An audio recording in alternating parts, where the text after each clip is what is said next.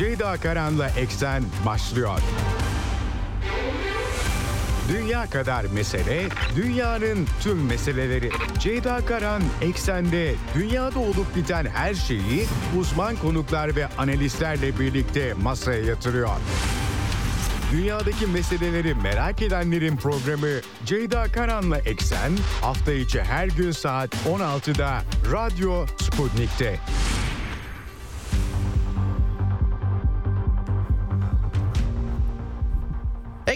Merhabalar efendim. Bugün 4 Ekim 2023 günlerden çarşamba dünyadan haberlerle yine karşınızdayız. Yine yüklü bir gündem var. Yine dünyanın gidişatının notları diyelim. İyi bir yere gitmiyoruz şu anda işin doğrusu.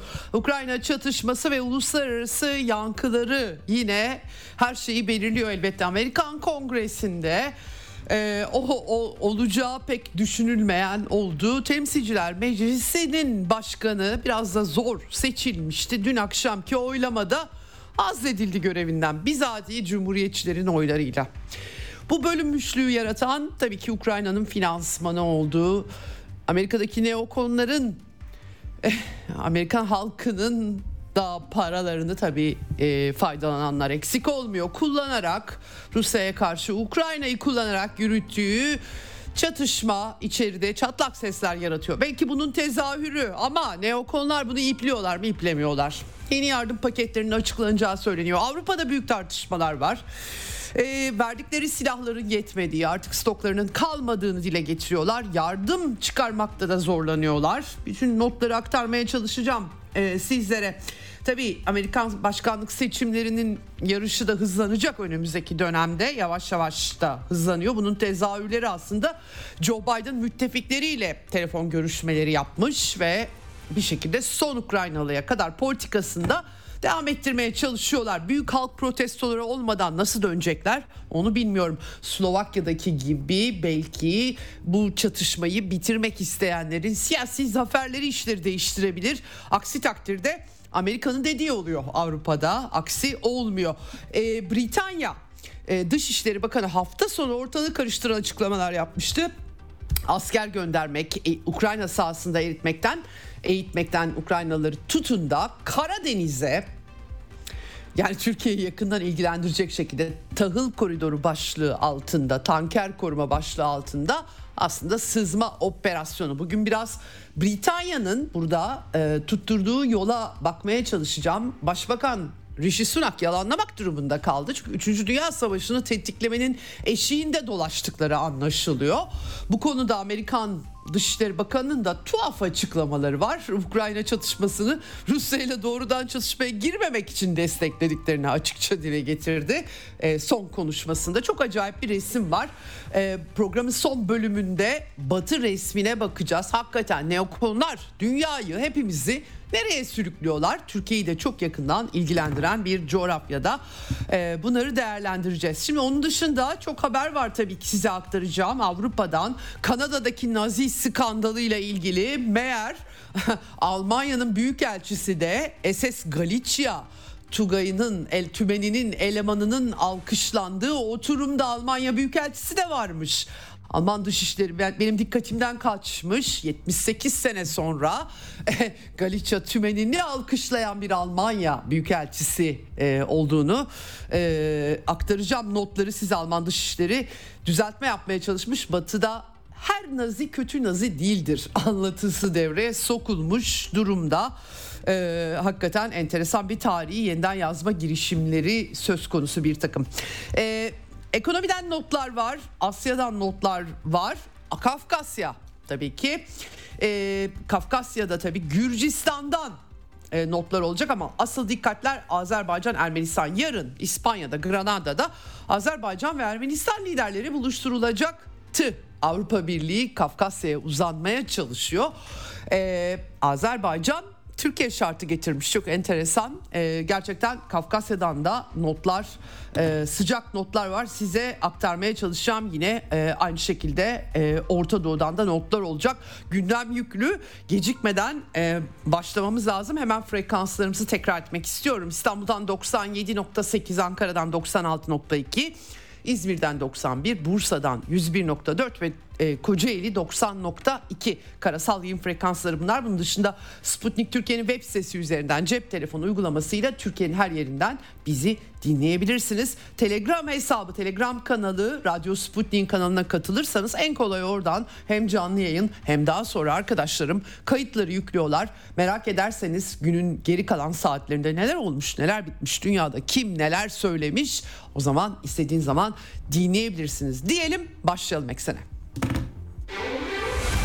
Dünya kadar mesele, dünyanın tüm meseleleri. Ceyda Karan Eksen'de dünyada olup biten her şeyi uzman konuklar ve analistlerle birlikte masaya yatırıyor. Dünyadaki meseleleri merak edenlerin programı Ceyda Karan'la Eksen hafta içi her gün saat 16'da Radyo Sputnik'te. Evet. Şimdi önce Ukrayna cephesinden başlayacağım. Taarruzun artık 5. ayına giriyoruz. Taarruz yalnız bitmiş olabilir. İf dile getirilmeden, ifade edilmeden 4 Haziran'da hatırlayalım Batı'nın tank destekleri, yeni e, füzeler, İHA'lar ne buldularsa hepsini vermişlerdi ve büyük bir Batı e, şirket medyası tarafından Ukrayna'nın taarruzu mecburen dördünde değil aslında dördünde başladığı cepheden gelen haberlerle ortaya çıkmıştı ama üç gün sonra başladığını e, duyurmuşlardı onlar. Velhasıl Haziran, Temmuz, Ağustos, Eylül şimdi artık Ekim ayına giriyoruz. Beşinci ay, dört ay tamamen dolmuş durumda. Binlerce silah mühimmat Ukrayna ordusuna dört bir yandan sağlanan e, hibrit ordu demek gerekiyor. Çünkü e, askerler tabii bu arada bu e, iyi bir fikir değil yani Fransız, Amerikan, İngiliz, Slovak, Polonyalı vesaire böyle e, birbirinden farklı ekipmanları kullanmak zorunda kalan e, oldukça zorlanan elbette bir ordu teşkil ettiler Rusya ile savaşmak üzere kendi işlerini görmek üzere pek de hayırlı sonuçlanmış gözükmüyor. En azından daha bittiği de ilan edilmedi bu arada ama hatta artık işte çamur mevsimi son bir yüklenme den bahsediliyor ama haritaya bakıldığımız zaman baktığımız zaman her şey ortada. Tokmak, Melitopol, Azak Denizi, Bahmut Arkemovsk cephesi Mayıs ayında Rusya güçleri Wagnerciler ele geçirmişlerdi. Hiçbir ilerleme yok. Ufak tefek köyler üzerinden yaz aylarında bir takım başarı resimleri çizmeye çalıştılar ama harita her şeyi söylüyor efendim. Yani bunun tartışmaları da yapılıyor. Kırım alınacaktı çok kısa sürede e, e, e, böyle deniyordu ama olmadı. Şimdi tabii yeniden birikmeler var, tartışmalar var bu konuda. Özellikle Dinyeper'in e, batı kıyısına yığınak yapıldığı, Rusya güçlerinin dikkatlerini bölmeye çalıştıkları gibi askeri değerlendirmeler yapılıyor ama e, e, bakalım e, buradan sonrası ne olacak 4 ayda yapılamadı en nihayetinde. E, ben size aktarmıştım 15 gün kadar önce hatta e, yeni yığınak var son bir taarruz herhalde taarruzun e, ya da 4 Haziran taarruzu başarısız olduğu için son bir hamle planladıkları anlaşılıyor. Bir takım yığdıkları e, askeri gruplara Normandiya, Omaha gibi kod isimleri vermiş durumdalar Ukrayna tarafından. Fakat cephede duruma baktığımız zaman Rusya Federasyonu'nun ordusunun inisiyatifi ele aldığı görülüyor. Orehov bölgesi, Rabotino bölgesi, Verbovoye bunlar en son çalışmaların yoğunlaştığı küçük yerleşimler, küçüklü büyüklü ee, ve e, dün itibariyle tabii yine e, Rusya topraklarındaki sınırda Bryansk bölgesinde yerleşimler misket bombalarıyla Ukrayna tarafından hedef alındığı bilgileri var.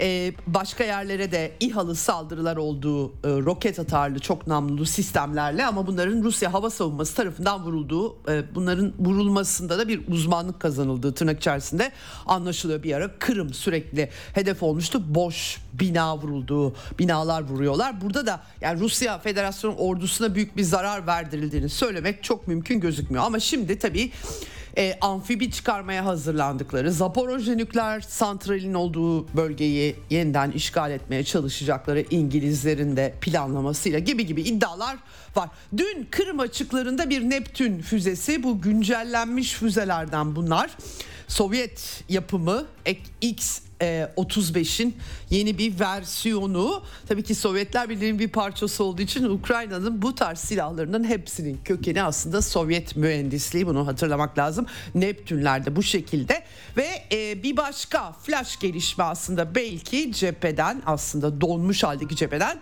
Ukrayna ordusunun Kırım'a e, bir çıkarma timi göndermesi ve girişimin engellenmesi engellenmesi. Ee, Tarkan Rut burnuna çıkarma yapmaya kalkışmış Ukrayna güçleri tespit edilmiş ve e, durdurulmuş. Bu şekilde Rusya Federasyonu'nun açıklaması var. Daha önce Eylül ayında da bir yılan adası Snake Island dedikleri bölgeden bir e, çıkarma girişimi olmuştu. Hatta iddialar ortaya atılmıştı. Aslında böyle bir şey hiç olmadı. Daha önce çekilmiş görüntüler sunuldu diye. Çünkü e, sosyal medya ve fotoğraf savaşına dönüştürdüler. E, açıkçası Batı'nın en usta olduğu şey Suriye çatışmasında da görmüştük. Sağdaki gerçekleri ne kadar yansıttığı tartışmalı oluyor ama bir yere bayrak dikip fotoğraf çektirdiğinizde aa burayı ele geçirmişler diye bir fikir doğabiliyor. Bunun benzeri yorumlar yapılmıştı. Doğrusunu biliyor muyum? Bilmiyorum tabii ki sağda değildim ama kaynaklardan elemeye çalışıyoruz. Efendim Raybar e, bu çatışmada takip ettiğimiz mecburen e, görece e, tümüyle her şey çok e, düzgün olmuyor belki ama yine de görece çok daha istikrarlı bir kaynak. Raybar'ın iddiası bu. E, aslına bakarsanız Ursula von der Leyen ta bundan geçtiğimiz Aralık ayı neredeyse bir yıla yaklaşıyor. E, bir, bir yıl kadar önce 110 binden fazla ölü olduğunu söylemişti. Avrupa Komisyonu'nun başkanı söylemişti. O zaman hatta e, bir görsel sosyal medyada paylaşıldı ve sonra hemen silindi. Şimdi Raybar'ın iddiası toplam can kaybı sayısı Ukrayna ordusu için 493.678 çok yüksek bir rakam bu. Yani e, belki fazla veriyorlardır bilmiyorum ama büyük kayıpları olduğu e, ortada gelen haberlerden çok net olarak anlaşılıyor. E, hakikaten bu çatışmayı bitirmenin bir başka gerekçesi aslında bir müzakere bulmanın. Dünya ilk defa bir çatışma yaşamıyor. Batı'nın son 30 yılda işgaller, müdahaleler, uluslararası hukuk dışına çıkarak yaptığı çeşitli gerekçelerle herkesin bir gerekçesi neticede oluyor.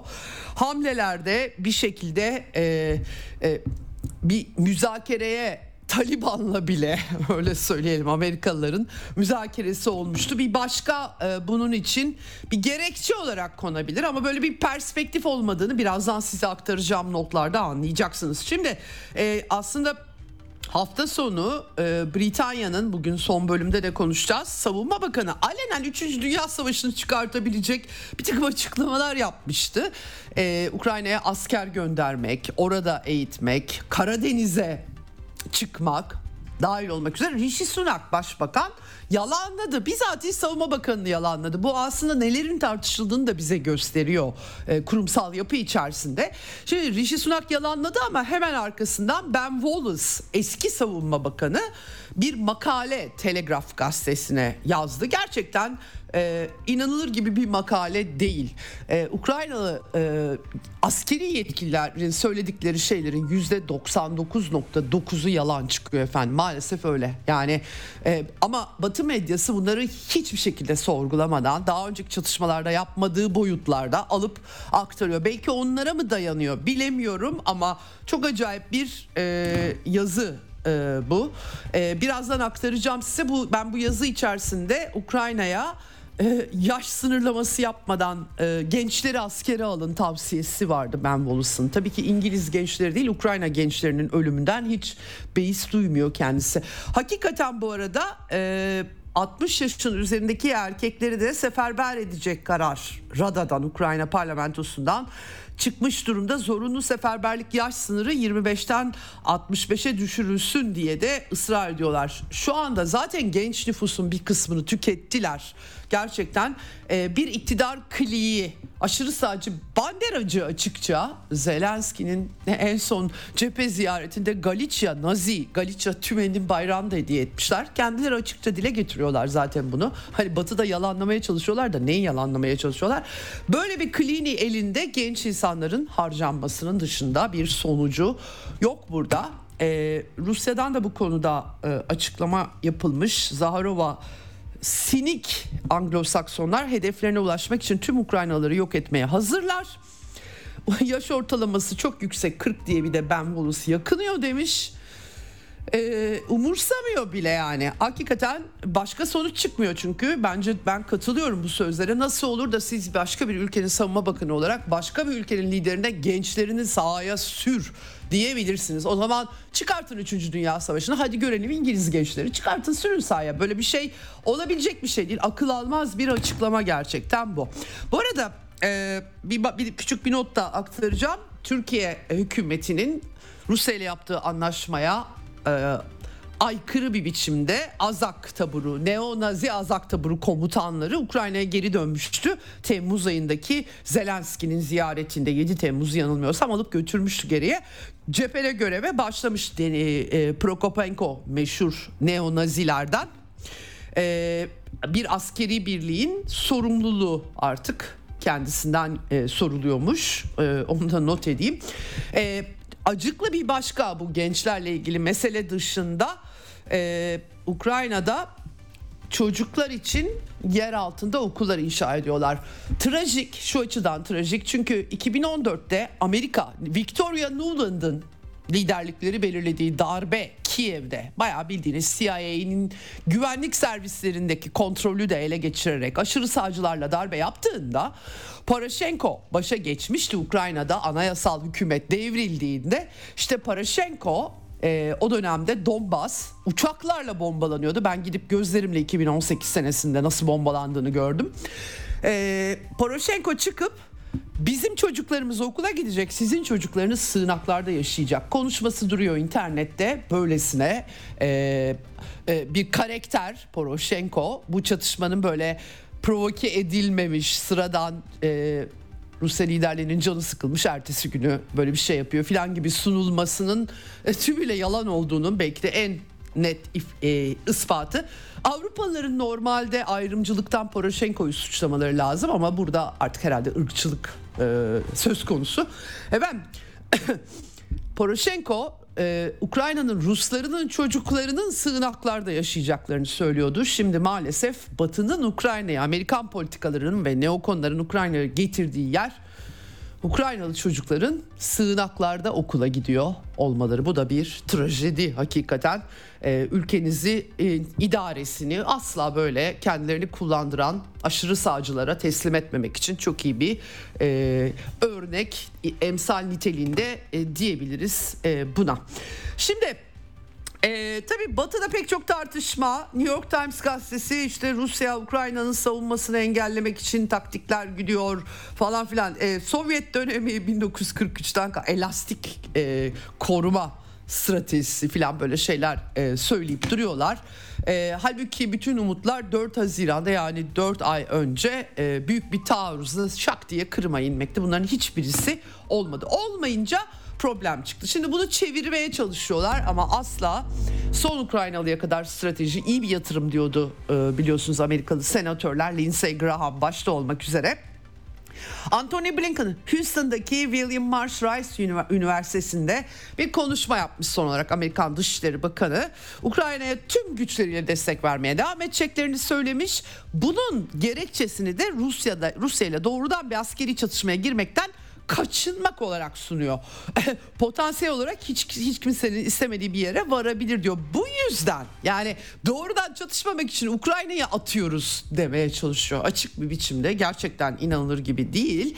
Ee, ama e, e, doğrudan askeri çatışmaya girme konusundaki isteksizlik çünkü herkes nereye gidiyor bu diye soruyor. Biden'ın yol gösterici yıldızlarından star yıldız derken gökteki yıldız bir de edebiyat yapmış bunlardan birisi diyor. Olabildiğince uzun yardım sunacağız diyor. Şimdi e, Politico gazetesi de internet sitesi de yazmış. Yeni yardım paketi açıklanacak öyle gözüküyor.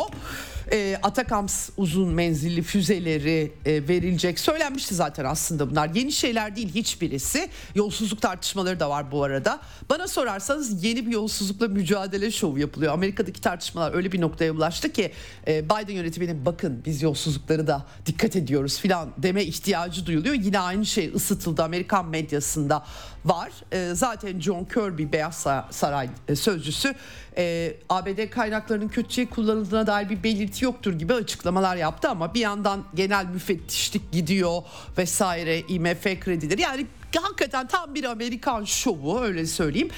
E, neden yapılıyor bu şov? Çünkü Amerikan Kongresi'nde sıkıntılar baş gösterdi. Amerikan tarihinde bir ilk yaşandı dün. Temsilciler Meclisi'nin Cumhuriyetçi Başkanı ara seçimlerde Cumhuriyetçiler kazanmıştı alt meclisi.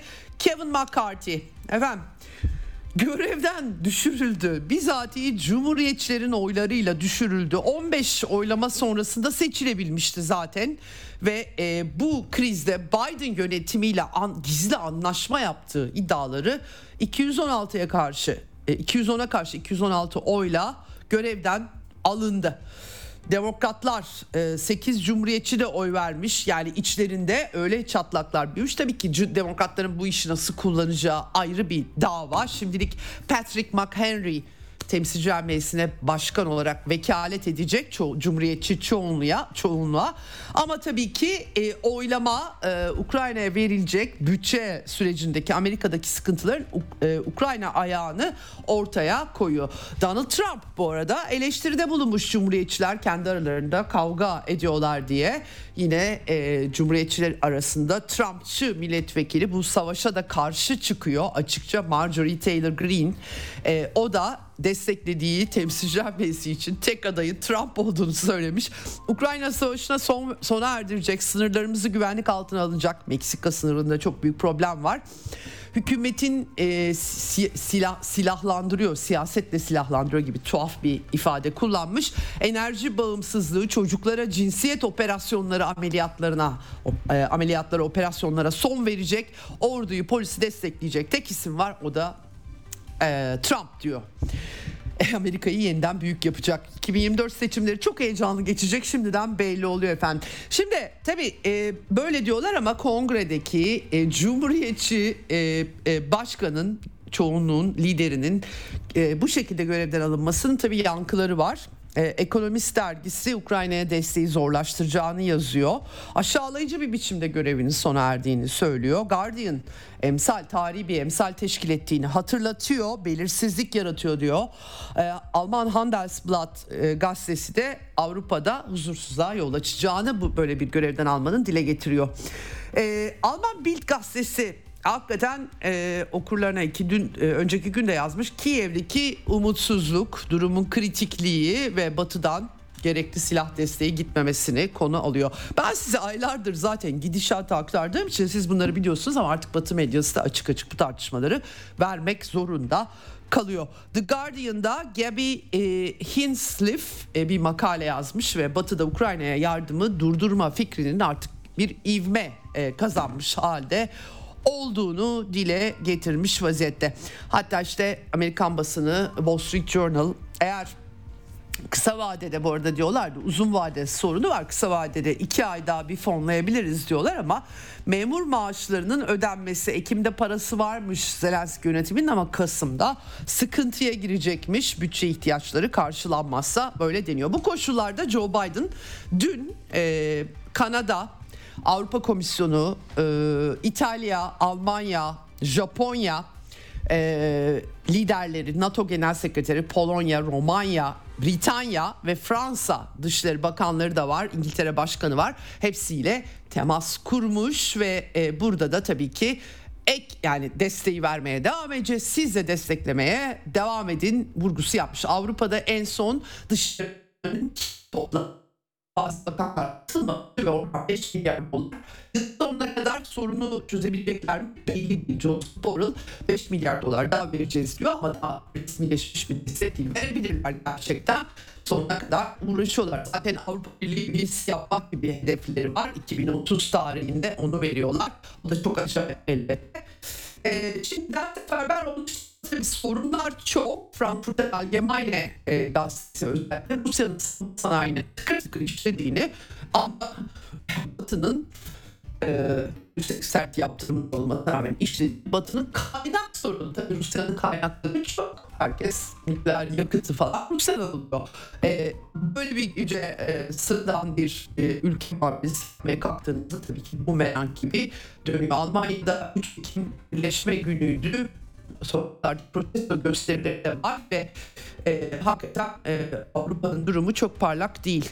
E, Fransa'da askeri uzman Olivier Kemp İsviçre televizyonuna konuşmuş. Batı Ukrayna'ya verebileceği tüm silahları verdi. Artık daha yani e, materyal sıkıntısı var. E, e, yani küçük bir şeyler sağlayabilirler ama bu uzun savaş stratejisi olduğu anlaşılıyor neokonların.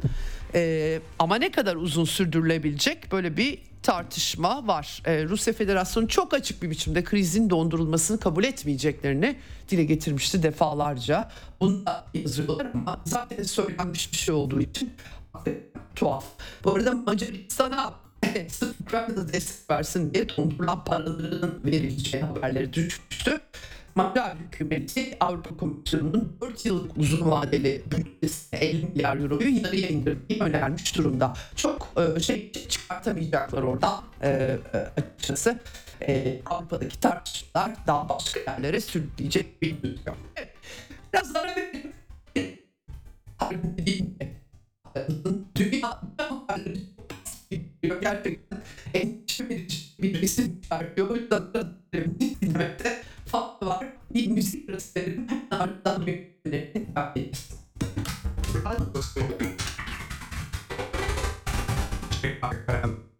Det var med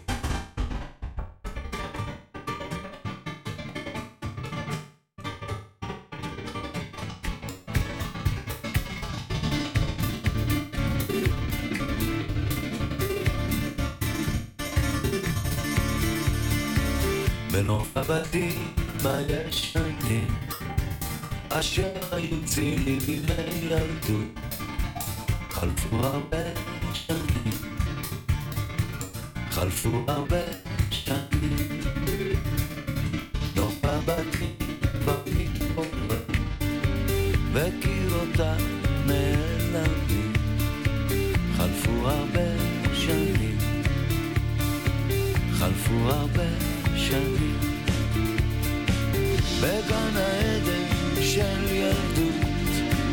אשר היה בורח. הייתי חלק מהנוף. היום אני אורח. בגן העדן של ילדות אשר היה בורח. הייתי חלק מהנוף.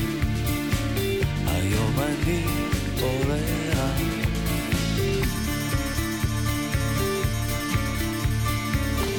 בגן העצים המתקלפים אשר היו צילי בימי ילדות כבר נשברו הענפים.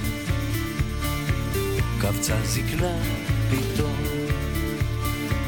אני הולך ואת איתי והם כולם נעלמים.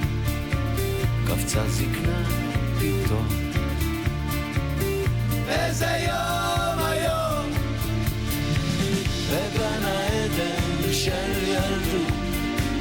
אשר היה בורח. הייתי חלק מהנוף היום אני אורח. בגן העדן של ילדות. אשר היה בורח.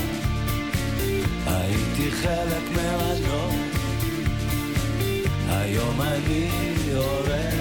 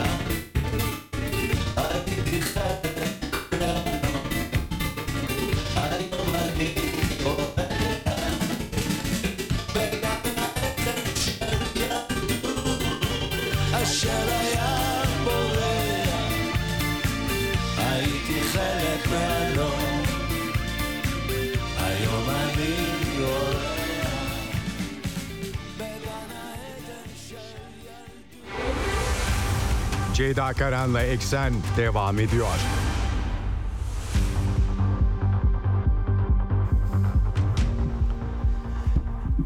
Evet kaldığımız yerden devam ediyoruz. Amerika Birleşik Devletleri ve Avrupa Birliği'nin Ukrayna çatışmasını uzatmak için kıvranışlarının olguları ilk bölümde size anlattıklarım Ee, bir şekilde kendi içlerindeki anlaşmazlıklar ee, bunlara rağmen neokonların etkisinin tabii Avrupa'da çok derin olduğunu söylemek gerekiyor. Sadece artık Amerika'daki neokonlardan bahsetmek yetmez. Onların Avrupa'daki uzantıları Avrupa'daki e, tabii ki medya ile birlikte başka bir yekün ediyor. Avrupa halkları e, bu işlere yeter artık demediği müddetçe nasıl nereye kadar gider kestirmek zor. Şimdi ee, o kadar acayip ki yani e, ben aktardım bu hafta size. Amerikalı General Ben Hodges Rusya varoluşsal tehdit bize gibi açıklamalar yaparken nükleer geniş bir nükleer cephaneli olduğu gibi cümleler kurmuştu ama eski CIA analistleri Johnson mesela bunu örnek göstererek aynı şekilde bir Rusya'dan bir siyasetçi general ya da istihbarat analisti de Amerika'yı önemli bir tehdit olarak görebilir. Yani çünkü onların da nükleer arsenali var. Sonuç itibariyle mevzu bu değil. Ee, burada e, haritaya baktığımız zaman NATO'nun ve Batı'nın Rusya sınırlarında çevrelemeyi kendileri dile getiriyorlar. Rejim değişikliğini ve kaynaklar tabii ki Rusya'nın çok geniş kaynakları olduğu için bunların birleşik halde kalması kolay yutulur olmamasına yol açıyor. En temel e, sebep bu. Bunu varoluşsal tehdit üzerinden dile getiriyorlar. Geçtiğimiz 30 yılda kimlerin nerelere gittiğini doğrusu gördük. Şimdi bu çatışma da yeni planlanmış bir çatışma değil zaten ama bir şekilde geldiği noktada sıkıntı yaratıyor Batı için. Kendi içlerinde çözemedikleri sorunlar yaratıyor. Financial Times gazetesi e, örneğin yani bunlara Batı medyası da e, gerekçeler e, üretmeye çalışıyor ya da nedenler diyelim koymaya çalışıyor ama bana biraz doğrusu tuhaf geliyor sorgulama biçimleri. Mak mesela Financial Times diyor ki Macron ve Scholz arasında kimya uyuşmazlığı var. Bu yüzden Ukrayna'ya acil yardım zorlaşıyor. Ne alakası var? Yani bunun ne ilgisi var? İki lider arasında kimya uyuşmazlığı olunca silah verme konusunda sorunları e, ortaya çıkıyor. Böyle bir cümleyi hangi neden sonuç ilişkileri içerisinde kurguluyorlar? Bilmiyorum ama e, sonuç itibariyle e, bir gazetenin Financial Times olması onu yazanların da zeki, kafası çalışan insanlar olduğu anlamına zaten gelmiyor tek başına. Türkiye'de algılananın aksine bize Türkiye'deki biliyorsunuz yabancı medya New York Times, Financial Times falan sanki böyle çok acayip iyi eğitimli insanlar şahane şeyler yazıyormuş gibi algılanır ama öyle olmadığını tarih gösteriyor bize. Evet Macaristan Dışişleri Bakanı e, Peter e, Jarto yanlış söylüyorum sürekli e, bu Doğu Avrupa isimlerini kusuruma bakmayın. E, o demiş ki ya kardeşim yani Avrupa dışındaki dünya bu işleri böyle algılamıyor. Siz yanlış anlıyorsunuz, anlamıyorsunuz. Çifte standartlarınızın da anlamıyorsunuz. O kadar e, yani aslında gerçekten Avrupa kibrini anlamıyor desek çok hani Avrupalılar bir şey deyince herkes aa Avrupa dedi ne kadar şahane öyle zannediyorlar. Değil öyle. E, Macar gazetesine e, Magyar namzete konuşmuş kendisi. Demiş ki yani e, dünyanın diğer kısmı olan biteni e, ya, ya sizin yaptığınız pek çok şeyi anlamıyor. Örneğin savaş Avrupa'da olmadığında taraflara yukarıdan ve fantastik bir ahlaki üstünlükle bakan Avrupa Birliği tarafları barışa çağırarak müzakereleri ve şiddeti sona erdirilmesini savunuyor. Burada niye böyle yapıyor? Ee, kendisi e, kendi çıkarları olduğu yerde başka yerlerde de yapıyorlar gerçi çatışmayı körüklüyorlar. Ee, barıştan Avrupa'da bahseden herkesi damgalıyorlar. Dünya anlamıyor bunları ee, e, ve e, ayrıca artan enflasyon enerji fiyatları, gıda e, arzındaki istikrarsızlık, efendim bunların bedellerini neden kendilerinin ödemesi gerektiğini de anlamıyorlar. Çünkü bir demokrasi kodu koyuyorlar ama demokrasiye aykırı bir sürü iş yapıyorlar. Çok da umurlarında değil çünkü şablon olarak sürekli onu ortaya koyabiliyorlar. Velhasıl aslında Avrupalı meslektaşlarının kendisine kamuoyuna öyle demeseler bile kendisine ya haklısın dediklerini söylüyor. Aslında Avrupalılarla son dönemde temas eden e, hemen herkes gazetecilerden, akademisyenlerden benzer şeyleri de duyuyor. Ama yüksek sesle söylemeye cesaret edemiyorlar.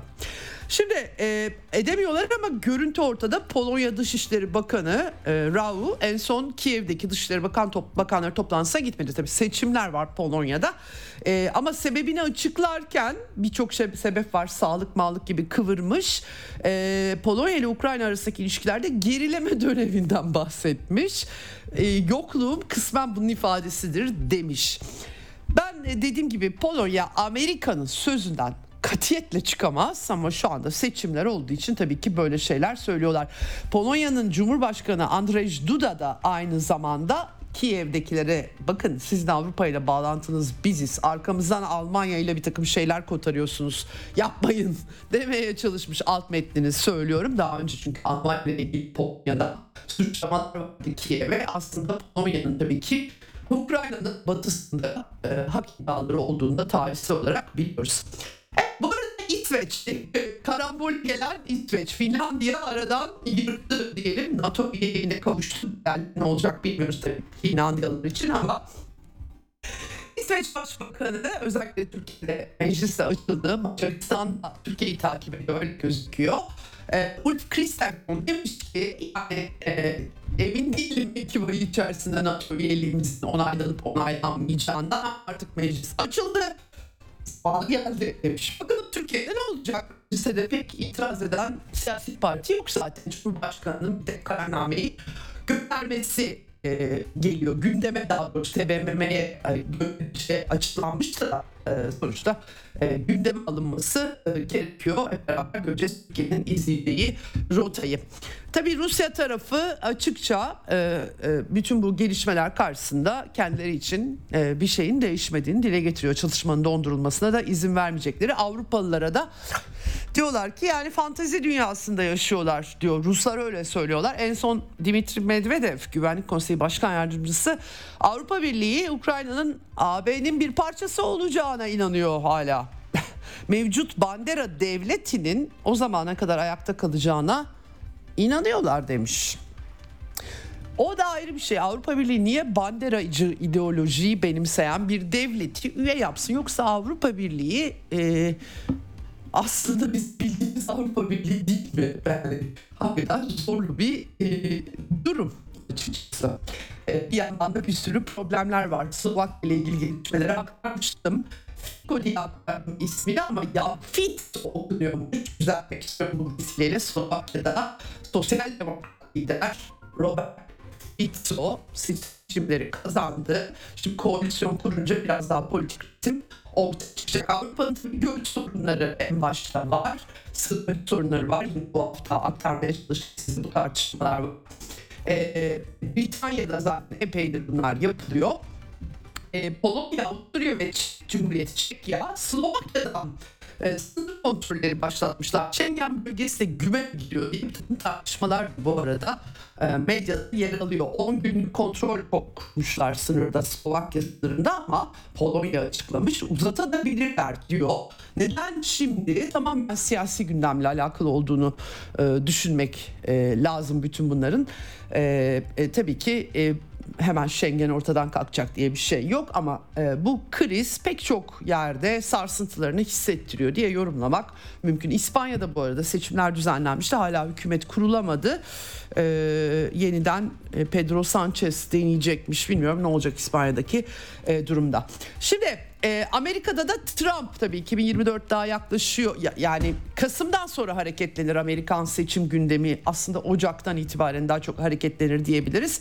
Trump'ı tabii siyaseten önü kesilmeye çalışıldığı artık net. En son dolandırıcılık davası çıkmıştı. Çok görünüşte hukuki bir şey ama hukuk siyasi şeylere dayanıyor. Siyasi adımlarla şekillendiriliyor. Bu yüzden Joe Biden ve oğlu hakkında o kadar ayyuka çıkmış şeyler varken çok da fazla adım atılamamasının sebebi aslında hukuku gayet iyi kullanmaları. E, mahkemede e, ifade veriyor Trump. Bu arada duruşmalara katılacakmış işte şart değil. Muhtemelen olayın siyasiliğini Amerikan halkının gözüne sokmak için o da mahkemedeki durumu siyaseten kullanacak öyle gözüküyor.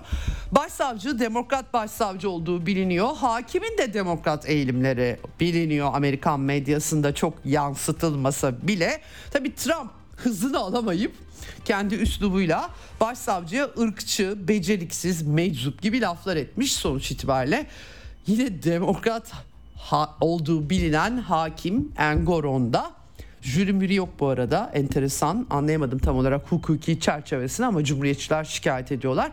Neyse yargıç hakim e, Engoron'da dolandırıcılık davası hakkında sınırlı e, konuşmama emri vermiş.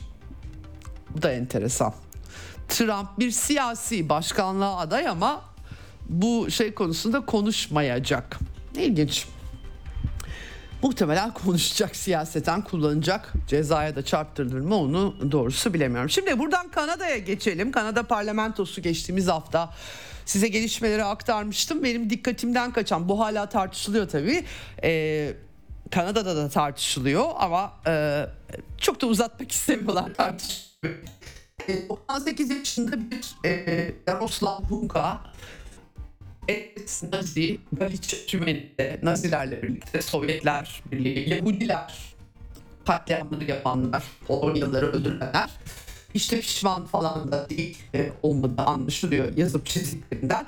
Zelenski ağırlarken parlamentoda alkışlanmıştı. Sonra e, parlamento başkanı e, İsrail kaldı. E, Justin Trudeau yaptı canım dedi. Zelenski özür diledi. Hemen e, Rus propagandası gibi şeyler söyledi.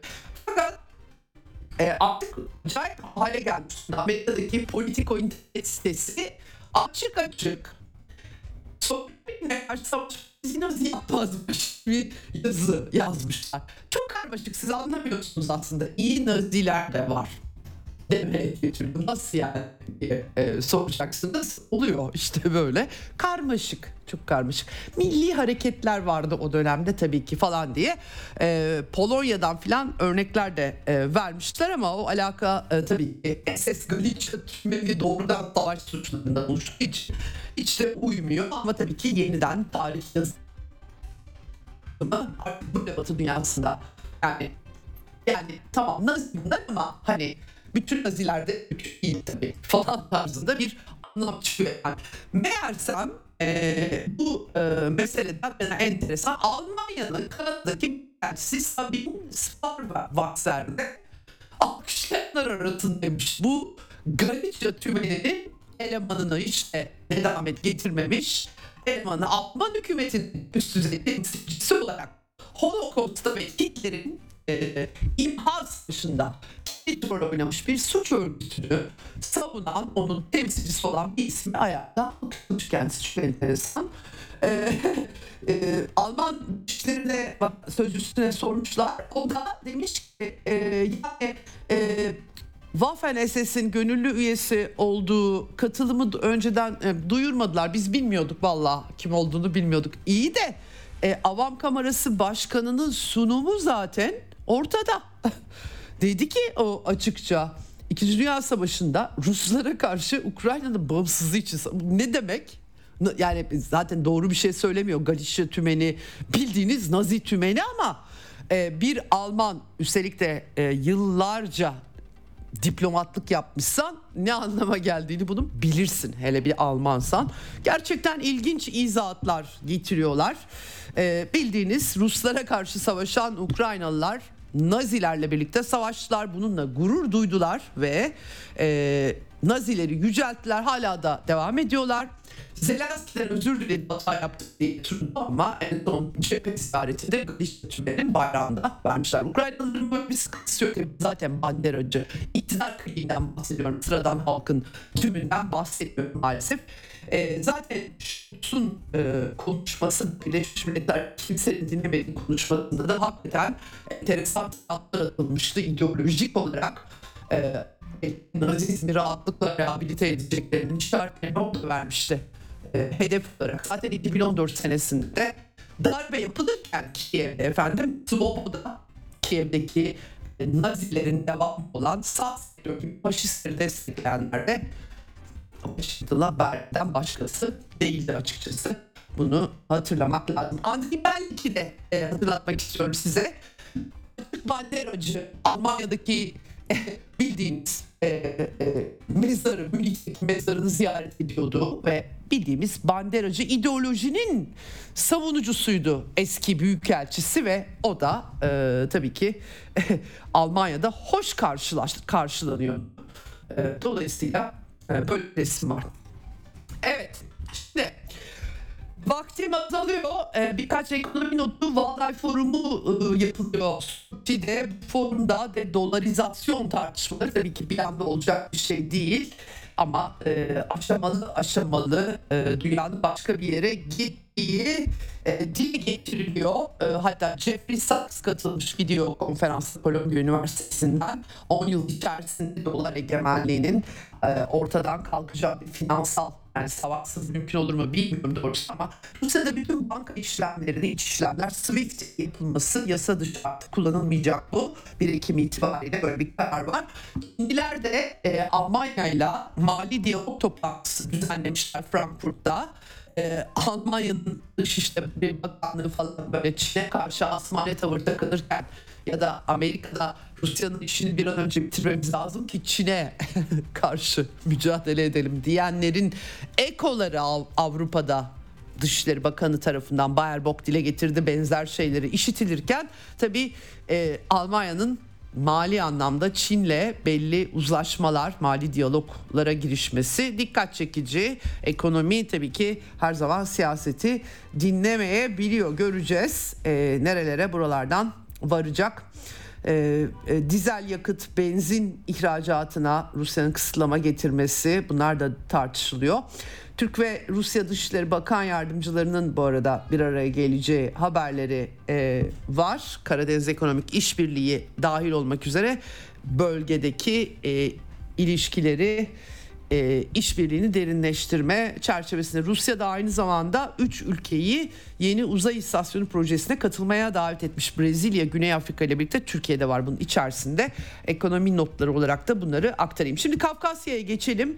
Ee, USAID'in Amerika'nın bu darbelerde hep parmağı olan sivil toplum NGO piyasası var biliyorsunuz dünyada. Amerikan tipi NGO piyasası diyoruz. Sistemi değiştirmek yerine birey, bireysel e, bireyleri kurtarmak üzerinden giden yardım teması üzerinden giden e, USAID Ukrayna Kiev darbesi öncesinde de önemli rol, oynam, rol oynamış eski Sovyet coğrafyasında da Gürcistan'da Euro Meydan renkli devrim yani hazırlamakla Gürcistan Devlet Güvenlik Servisi USAID'i hedef almış. Bu sonbaharda böyle şeyler yapmaya kalkışıyorlar. Seminerler düzenlediler diyorlar. Herkes tabii ki bir çekiniyor Amerika'nın USAID'inden. Dikkat etmekte fayda var. Daha önce kullanıldı çünkü kullanışlı oluyor. Latin Amerika'da, Asya'da, Kafkasya'da.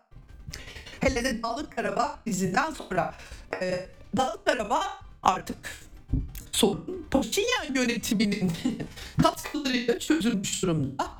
Ee, Ermeni milliyetçiliği açısından ki Ermenilere bir ihanet olarak algılıyor pek çok insan. Yaklaşık 120 bin insandan 100 bini Ermenistan'a göç Rusya barış güçleri insani operasyonlarına yardım ettiler.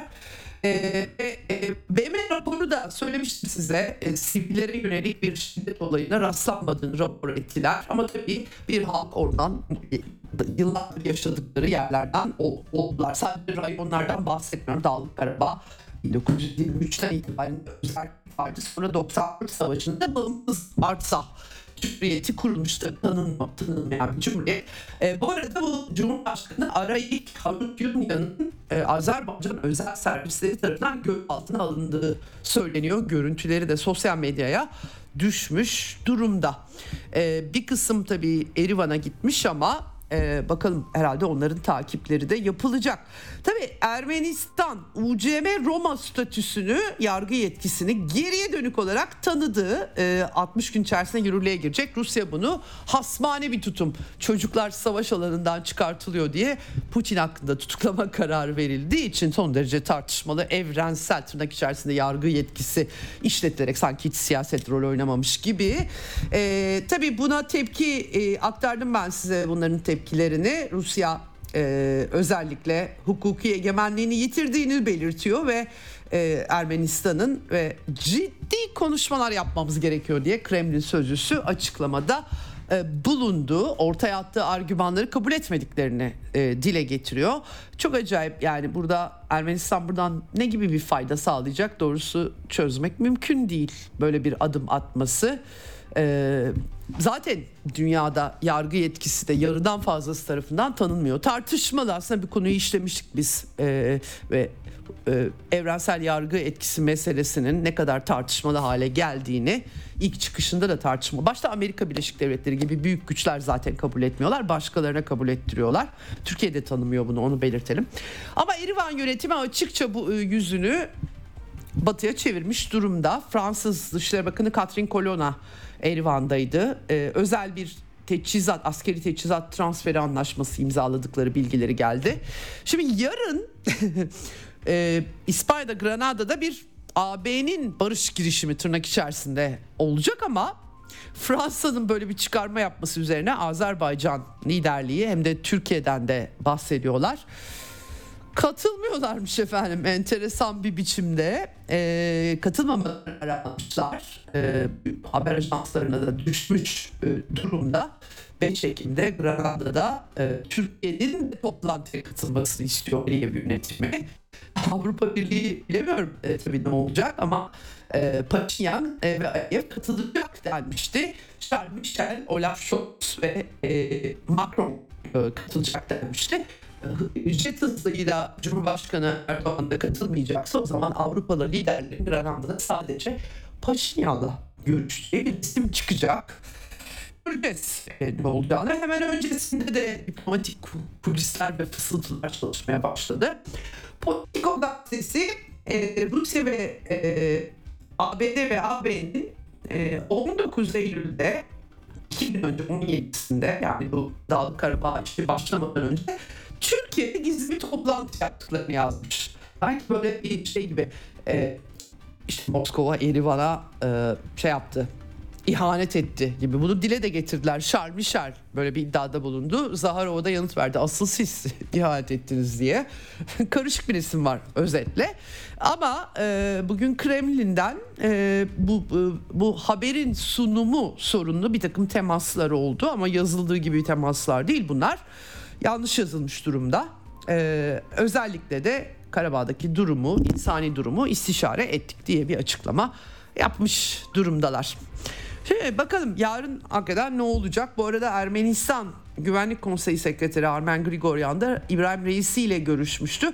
Aliyev'in danışmanları da Tahran'a gitmişler. Bugün bir de Tahran'da Dışişleri Bakanı Hüseyin e, Emir Abdullahiyan'la görüşüyorlar. İşin İran ayağı da var. Aslında 3 artı 3 formülü gerçekten e, bölgede bu sorunların çözülmesinde fayda var. Yabancıları karıştırmadan çözülmesinde fayda var.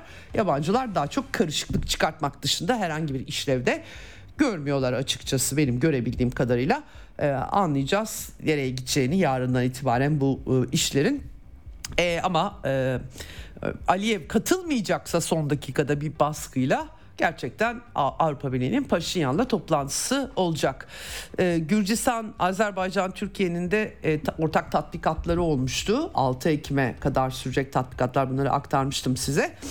Şimdi Orta Doğu'dan birkaç e, başlık daha aktaracağım. Afrika ülkesi Tunus Başkanı Avrupa Birliği ile e, işbirliğine açık olduklarını ama bağış, sadaka gibi şeyler kabul etmeyeceklerini söylemiş. Göçmen anlaşması yapmaya çalışıyorlar e, Tunus'la. İran'a ait insansız hava aracı Amerikan savaş gemisini 24 saat gözlüyormuş. Görüntüleri yayınlamışlar. İran bu kadar yaptırıma rağmen teknolojisini geliştirer, geliştiren bir pozisyonda. Bunun görüntüleri dikkat çekici yayınlanıyor. Türkiye'nin Irak'ta harekatı vardı son terör saldırılarından sonra Ee, Suriye'den de iki teröristin geldiği tespit edildi diye Dışişleri Bakanı Hakan Fidan'ın açıklamaları var. Ee, Irak ve İran arasında da güvenlik anlaşmaları. İran, Irak üzerinden bir sıkıntılı güvenlik resmi var. Buna ayrıca e, bakmak gerekiyor. Orta Doğu'da epeydir dönüp oraya e, bakamadığımızı hatırlatayım. Evet e, biraz ara verelim. Şimdi e, bir küçük tanıtım gireceğiz. Ondan sonra e, emekli tüm amiral Cem Gürdeniz konuğum olacak. Kendisiyle gerçekten e, Türkiye'nin de içinde bulunduğu yakın coğrafyasındaki karmaşık jeopolitik resmi konuşacağız. Bizden ayrılmayın.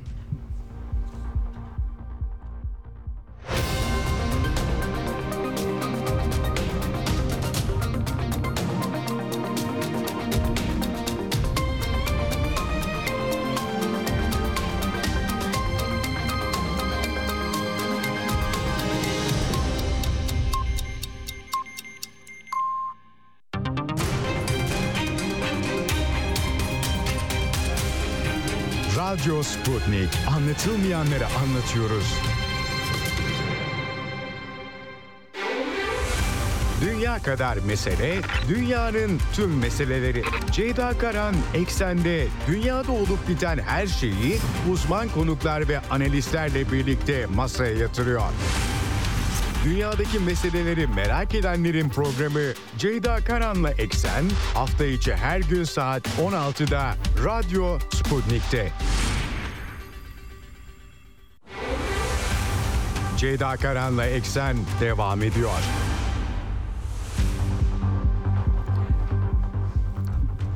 Evet Eksen'in son bölümüne e, geçiyoruz. İlk e, iki bölümde Ukrayna cephesindeki durumu artık 5. ayına giren 4 Haziran'da başlayan taarruzda çok parlak bir resim olmadığı, Batı'nın silahlandırma hamleleri, kendi içlerindeki tartışmaların ortaya serdiklerini aktarmıştım. Özellikle İngilizlerin de e, tutumu burada e, dikkat çekici ve Türkiye'yi de yakından ilgilendiren durumunu da aktarmıştım. Ben Wallace'ın makalesi, işte Şii'ni savunma bakanı, başbakanın yalanlamaları e, neokonların ısrarla bütün resim artık ana akım medyadan bile resim ortadayken ısrarla bu işin üzerine gitmeleri e, işlere kalkışmaları dünyayı bir üçüncü dünya savaşına mı sürüklüyor? Soruları çıkıyor kaçınılmaz olarak. Telefon hattımızın diğer ucunda çok önemli bir isim konuğum olacak. Emekli Tüm Amiral Cem Gürdeniz. Gürdeniz. Hoş geldiniz efendim yayınımıza. Hoş bulduk Ceyda Hanım. Sesim iyi geliyor mu? Geliyor gayet iyi efendim. Çok teşekkür ediyorum katıldığınız için. Rica Ee, ederim. efendim şimdi e, hakikaten bu Ukrayna gündemini ben her gün mecburen aktarıyorum. Çünkü e, bağlamlar e, kopuyor genel olarak habercilikte o bağlamları doğru yerine oturtmak gerekiyor. Şimdi Batı'da acayip tartışmalar var. 4 ay bitti Ukrayna'nın meşhur taarruzu ve artık e, bizim muhalif kanallardan aktardığımız ana akım medyada da açık açık yazılıyor, çiziliyor, değerlendiriliyor. Fakat e, silahlandırma sıkıntıları Amerika'da ilk defa temsilciler meclisi başkanını yine kendi partisinin desteğiyle görevden aldılar. Tuhaf bir durum oluştu. Buna rağmen ısrarla şöyle bir söylem bugün son Anthony Blinken'ın ifade ettiği eğer Ukrayna'yı kullanmazsak Rusya ile doğrudan çatışırız çıkıyor sonucu çıkıyor söylediklerinden. Onun için destek veriyoruz diye. Hakikaten bu krizin neresindeyiz? Öncelikle sizin analizinizi öğrenmek istiyorum. Ne yapmaya çalışıyor Batı?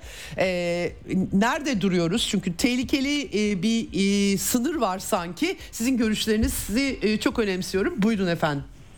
Ee, çok teşekkür ederim. Öncelikle şunu söyleyeyim. Yani e, Amerika ile e, Rusya'nın çatışması e, o kadar kolay bir iş değil. Yani neticede Blinken, Nu- Nuland gibi e, neokonların temsilcisi. Yani e, kanaatimce bütün büyük Amerika devletini temsil eden bir grup değil bunlar. E, o karar zaten Blinken'ın veya neokonların istemesiyle alınacak bir karar değil. Bir kere bunun e, adını tam koyalım. Hele hele bugün Wall Street Journal'ın herhalde haberini okumuşsunuzdur. Ben onu tweet yaptım. Ee, biliyorsunuz geçtiğimiz günlerde bu bütçe government shutdown olmasın diye, hükümet kurumları kapanmasın diye bir geçici bütçe onaylandı. Orada Ukrayna'ya yardım yok. Bu çok önemli. Hatta e, bugün Wall Street Journal'ın manşeti ne diyor? Eğer Amerikan yardımı gitmezse maaşlar ödenemeyecek diyor. Evet. Yani e, neticede e, bugüne kadar 23 milyar dolar verilmiş. Dünya Bankası kredisi üzerinden bunun 21 milyar dolarını Amerika 2 milyar dolarını İngiltere vermiş. Bütün öğretmenlerin, efendim profesörlerin, devlet kurumlarındaki memurların maaşı buradan ödenmiş. Şimdi düşünün e, önümüzdeki birkaç ay için karanlık bir dönem var. Bu bir. İki, e, ekonomistin bundan iki hafta evvelki başlığını düşünün. Rethinking Ukraine diyor. Tekrar düşünelim diyor. Bunu ekonomist atıyor. Evet. Üç, sizin Evet. de belirttiğiniz gibi cephane stokları eridi gitti. Şimdi Rusya ile savaşa hazırız diyor. Peki hangi stoklarla savaşa gidecekler?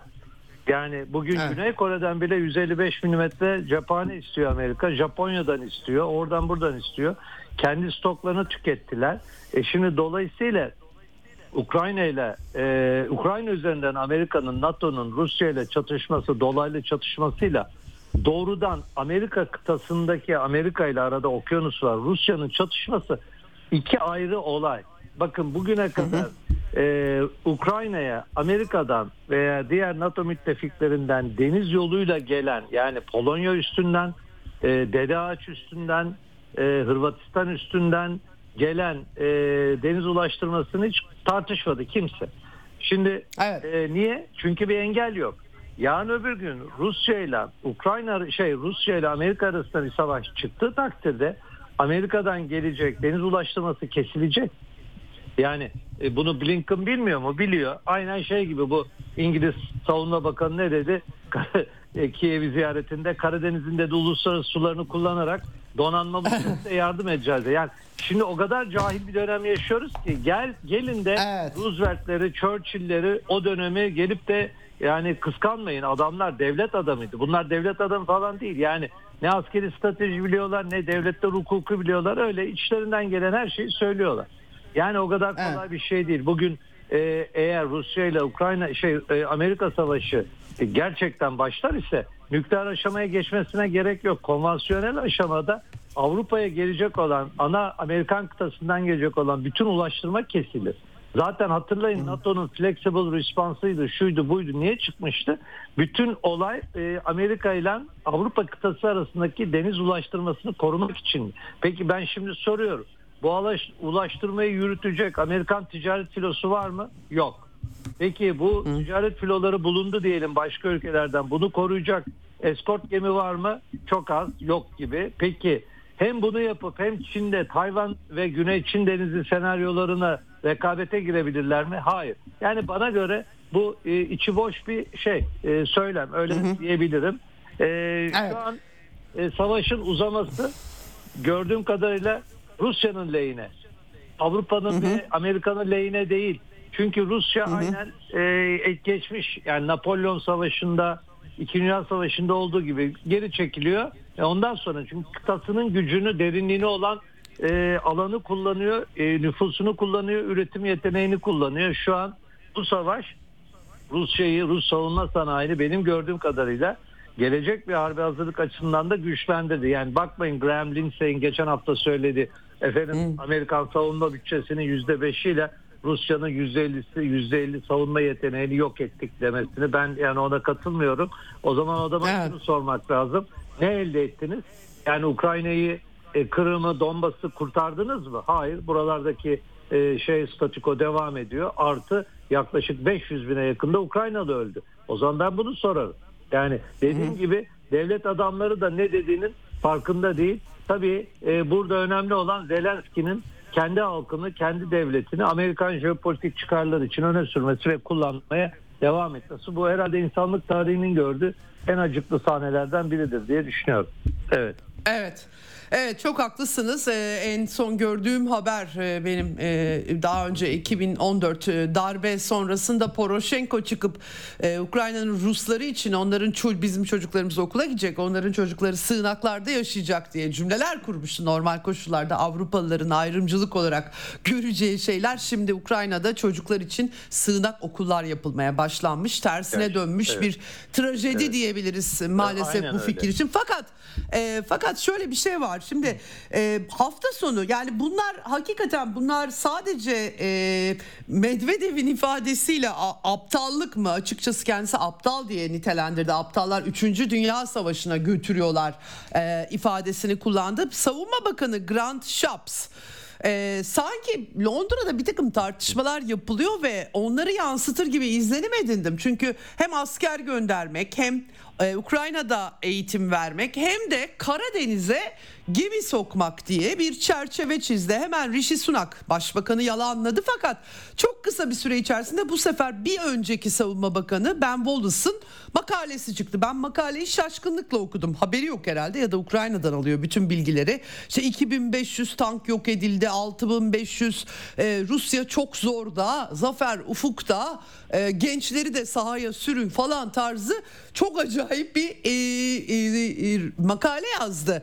Yani Londra'da bir takım şahinler e, akıllarında başka bir şey var.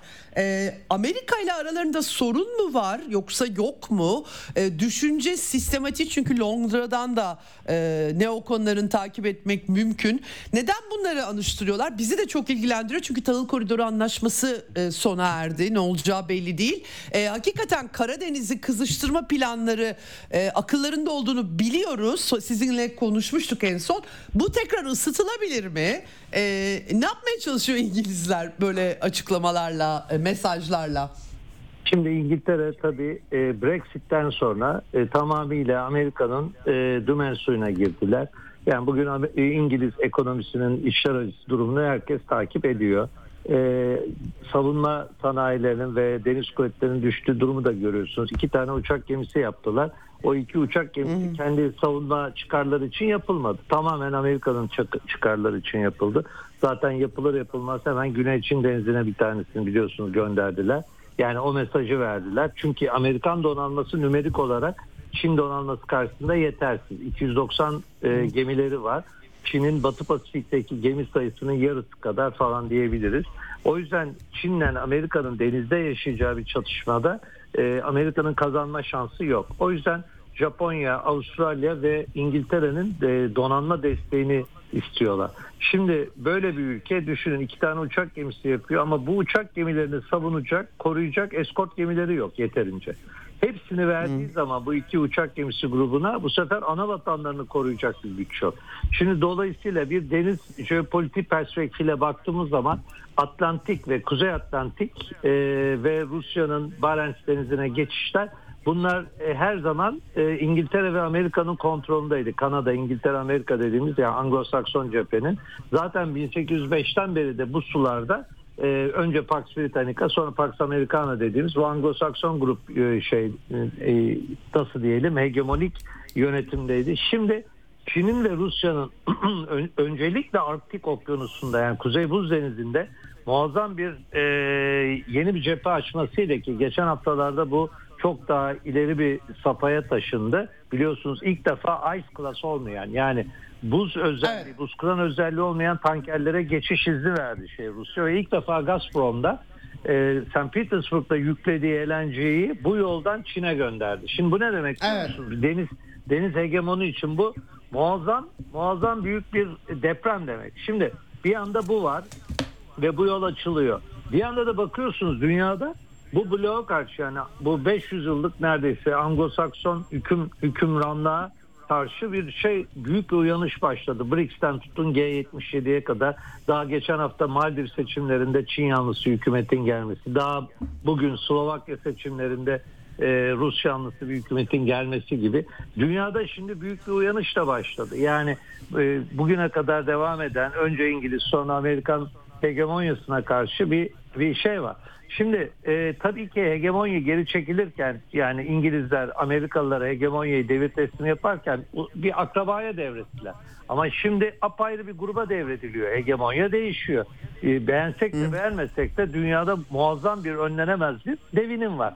Şimdi bu bu devinim e, nasıl olacak? E, bu bir e, büyük bir 3. Dünya Savaşı, büyük bir paylaşım savaşıyla mı olacak ki bu savaş tabii ki nükleer e, aşamaya da geçebilir. Bu nedenle mesela Oppenheimer diye bir film var. Onu izlemediyseniz tavsiye ederim. Evet, Zamanlaması evet, evet, önemli. evet. Evet, doğru. önemli o filmin. Yani nükleer aşamaya geldiği zaman zaten paylaşılacak bir şey kalmayacak ortada. Onu da söyleyelim. E, o bakımdan burada hibrit savaşla, konvansiyonel savaşla, ekonomik savaşlarla bakın tarihte ilk defa kapitalizmin kendi aleyhine kapitalizmin genişlemesini önleyecek tedbirler aldığını görüyoruz. Nedir bu?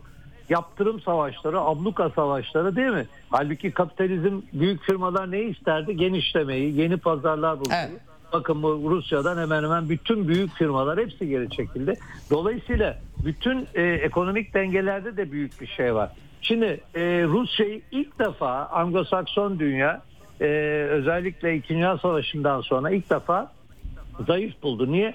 NATO genişlemesi, efendim e, NATO'nun e, üye sayısının özellikle Finlandiya'da girdikten sonra 31'e çıkması, şimdi 32'ye İsveç'te çıkması muhtemel Türkiye eğer evet derse. E şimdi dolayısıyla böyle bir e, Avrupa'yı Amerika'nın bir daha yakalama şansı yok. Bu uyanış ne kadar geciktirilirse ki Avrupa'da uyanış başladı. Bence başladı. Yani Evet. göreceğiz. Hocam ama pek, pek de zayıf gibi gözükmüyor Rusya'nın durumu. Yani ekonomik Hayır, olarak yaptırımlar e, yanlış, Ha, ya- yanlış anla- anlatmayayım. Bakın. Ha, anladım, Varşova Paktı anladım. dönemiyle, Varşova Paktı dönemiyle. Size soruyorum. AGİK, Avrupa Güvenlik İşbirliği Konferansları ve sonra e, şey anlaşması değil mi? E, arkasından AKKU ve de CFI dediğimiz yani akka. Bu niçin çıkarılmıştı? Evet. Hatırlayalım. O kadar güçlüydü ki Varşova Paktı. Rusya o kadar Evet. güçlüydü ki ABD ve müttefikleri doğrudan Rusya ile bir savaşı göze alamadığı için önce flexible response ortaya atıldı. Biliyorsunuz eğer biz konvansiyonel olarak yenemezsek nükleer silahları kullanırız ha ona göre dediler Sovyetler Birliği'ne.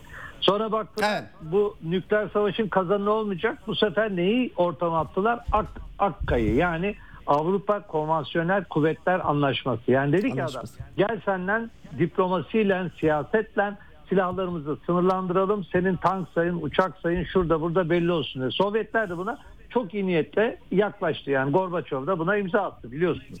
Şimdi Evet. o dönemle kıyaslarsak bakın bu sefer NATO güçlü. Ama NATO bu sefer Rusya'nın zayıflığını silah gücüyle e, sömürmeye çalışıyor. Niye? Asırlar boyu hedefi Rusya'nın e, geniş kaynaklarını ve bu bu kadar büyük bir devlet olmasını e, hiçbir zaman kabul edemediler. Daha Beyaz Ordu'yu bile hatırlayın niye oluşturdular? Niçin 1919'dan itibaren savaş sırasında Amerika, İngiltere, Fransa, Yunanistan bile yüz binlerce kişiyi Beyaz Ordu'nun yanına gönderdi. Sebebi buydu. Rusya'yı parçalayıp küçük küçük küçük devletçikler yapıp bunları sömürerek kapitalizmin pazar ve e, kaynak sayısını arttırmaktı. Bugün bugün işte şu an Akkum döneminin tam zıttı var ama bu sefer Ukrayna'yı kullanarak e, Ukrayna'nın ucuz kanını kullanarak Rusya'yı zayıflatma. Demek istediğim oydu. Anlatabildim değil mi? Anladım, anladım, tabii anladım efendim. yani buna buna katlanabilecek buna çünkü tarihi Rusya'nın zaten tarihini gördüğünüz zaman e, Rusya'nın kolay kolay e, yenilmeyeceğini ve e, kendi varlığını sürdürebileceğini de görüyoruz ve Rusya'nın zaten e, emperyalizm karşısında yani bu e, Anglo-Sakson emperyalizmi karşısında Rusya'nın yenilmesi demek ben söyleyeyim size Türkiye'nin de gelecek yıllarda yenilmesi anlamına gelir. Çünkü Karadeniz'de tekrar Anglo-Sakson hakimiyetinin e, ortaya çıkması ve Türkiye'nin kuzeyden de kuşatılması Türkiye'nin sonunu getirir. O bakımdan e, ben Ukrayna Savaşı'nın e, gerileyen Batı lojistiği, gerileyen Batı birliği diyorum. Çünkü dediğim gibi onlarda da çatlaklar artık başlıyor. Çünkü e, Avrupa halkı savaşmak istemiyor. Avrupa halkı refahına düşkün. Son 70 yıldır refaha alıştırıldı. E, Ruslar öyle değil. Yani şeylere baktığınız Evet. zaman e, hayat standartlarına fert başına gelirdi şuydu buydu. Şimdi Avrupalı gidip de Ukraynalı için canını feda etmez. O bakımdan ben e, şu an son aşamaya Avrupa'nın geldiğini düşünenlerdenim. Evet. Ee, peki bu e, İngilizlerin Karadeniz ısrarı yani e, birileri demek ki böyle bir jimnastik yapıyor ya da bunun kulisini yapıyor diye düşünüyorum ben.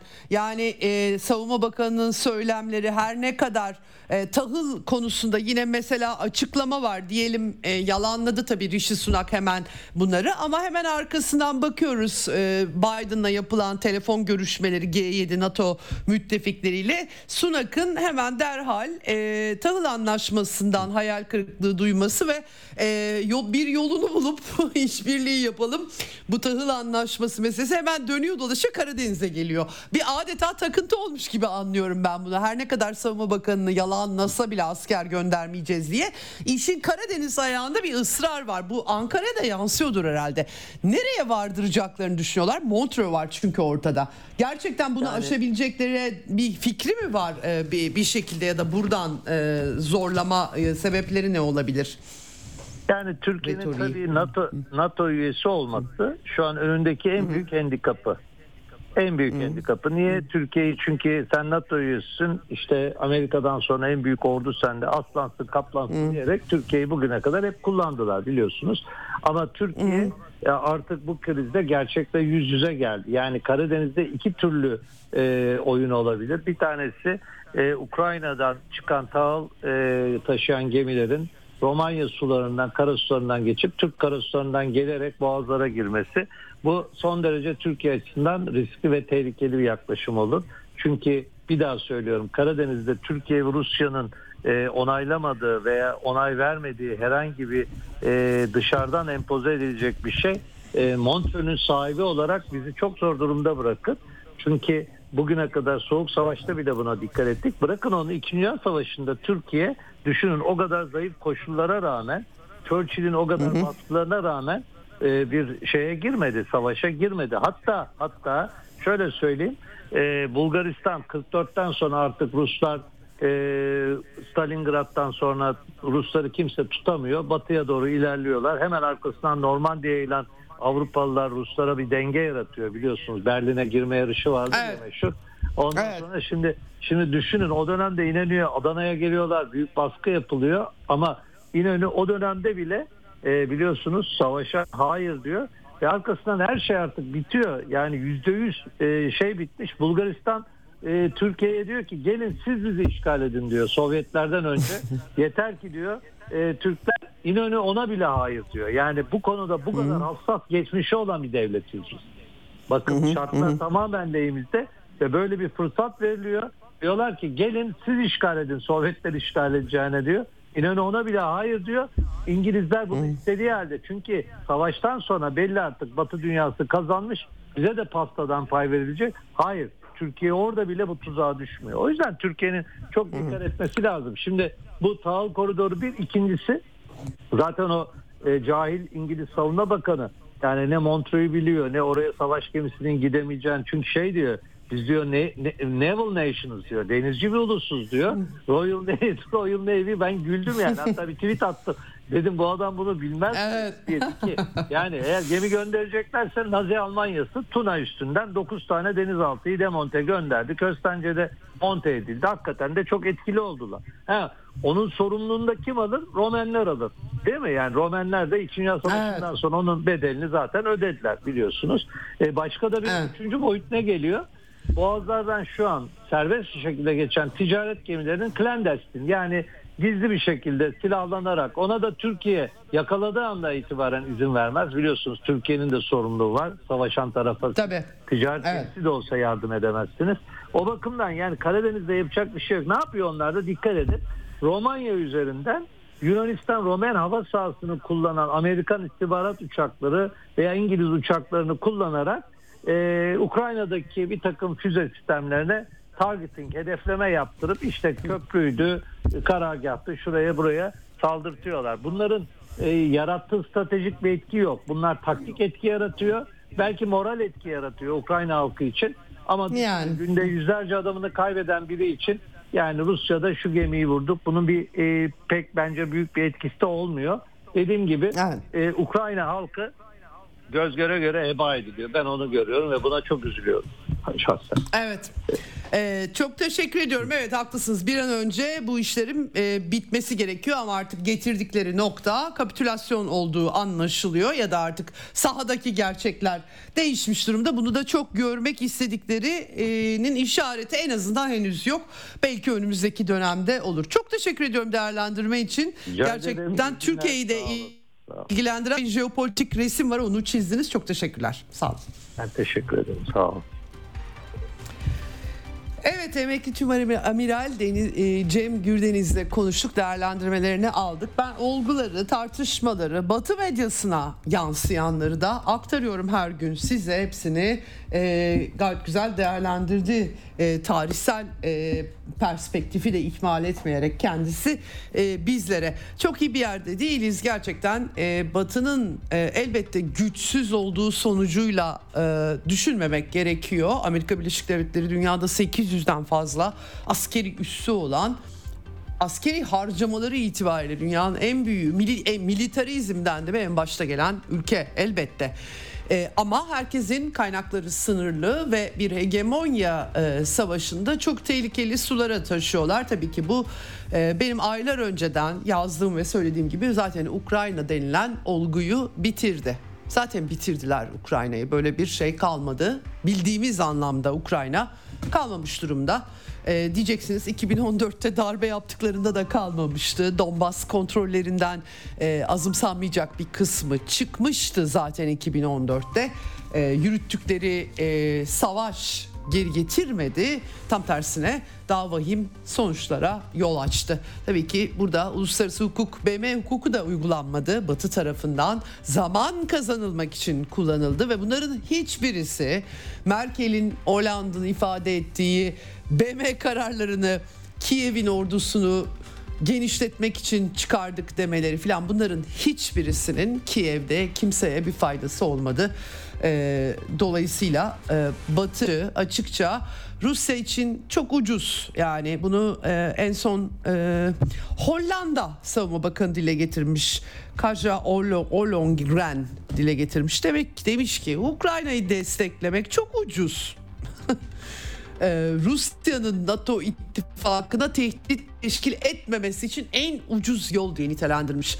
E, Rusya Federasyonu'nun Avrupa'yı ele geçirmek gibi bir derdi mi var? Yani Ukrayna ve Ukrayna'nın Rusları ve Donbas meselesi herkesin artık 3 aşağı 5 yukarı anladığı bir mesele. Ama bunu tabii ki sanki e, Rusya Federasyonu Avrupa sınırlarına genişliyormuş gibi sunarak sonra da en ucuz yolu Ukrayna'yı desteklemek demek gerçekten başka bir düzey. Ben bir şey diyemiyorum hiçbir insanilikte taşımıyor. Ukrayna'yı bitirdiler. Kendileri bitirdiler bu çatışmayı tetikleyerek, devam ettirerek e, valla hayırlı olsun diyeceğim. Bütün değerlerini de gömdüler bu arada tabii ki böylesi bir çatışmada. Dolayısıyla hiçbir söyledikleri söylemin hiçbirisi altı dolacak e, durumda değil artık. Öyle bir hale getirdiler. Evet barış isteyelim, müzakere isteyelim, çözüm isteyelim. Bunda ısrar edecek bir perspektifle yaklaşalım ama tabii tarihi, gerçekleri, hakikatleri, güç dengelerini de ihmal etmeye gelmiyor. Onları da doğru düzgün çizmek gerekiyor. Bugünlük bu kadar. Yarın görüşmek üzere Eksen'den. Hoşçakalın. Ceyda Karan'la Eksen sona erdi. Dünya kadar mesele, dünyanın tüm meseleleri. Ceyda Karan Eksen'de dünyada olup biten her şeyi uzman konuklar ve analistlerle birlikte masaya yatırıyor. Dünyadaki meseleleri merak edenlerin programı Ceyda Karan'la Eksen hafta içi her gün saat 16'da Radyo Sputnik'te.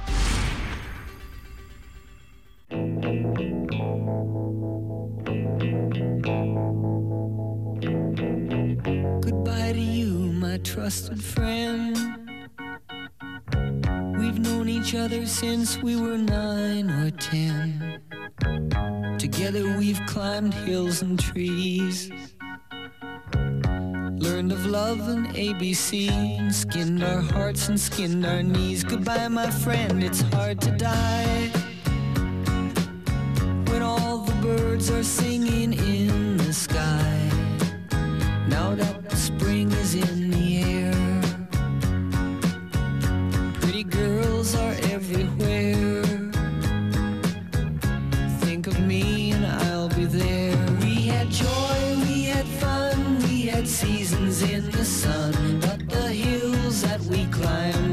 the seasons out of time. Goodbye, Papa, please pray for me. I was the black sheep of the family. You tried to teach me right from wrong. Too much wine and too much song. Wonder how I got along. Goodbye, Papa, it's hard to die. When all birds are singing in the sky. Now that the spring is in the air, little children everywhere.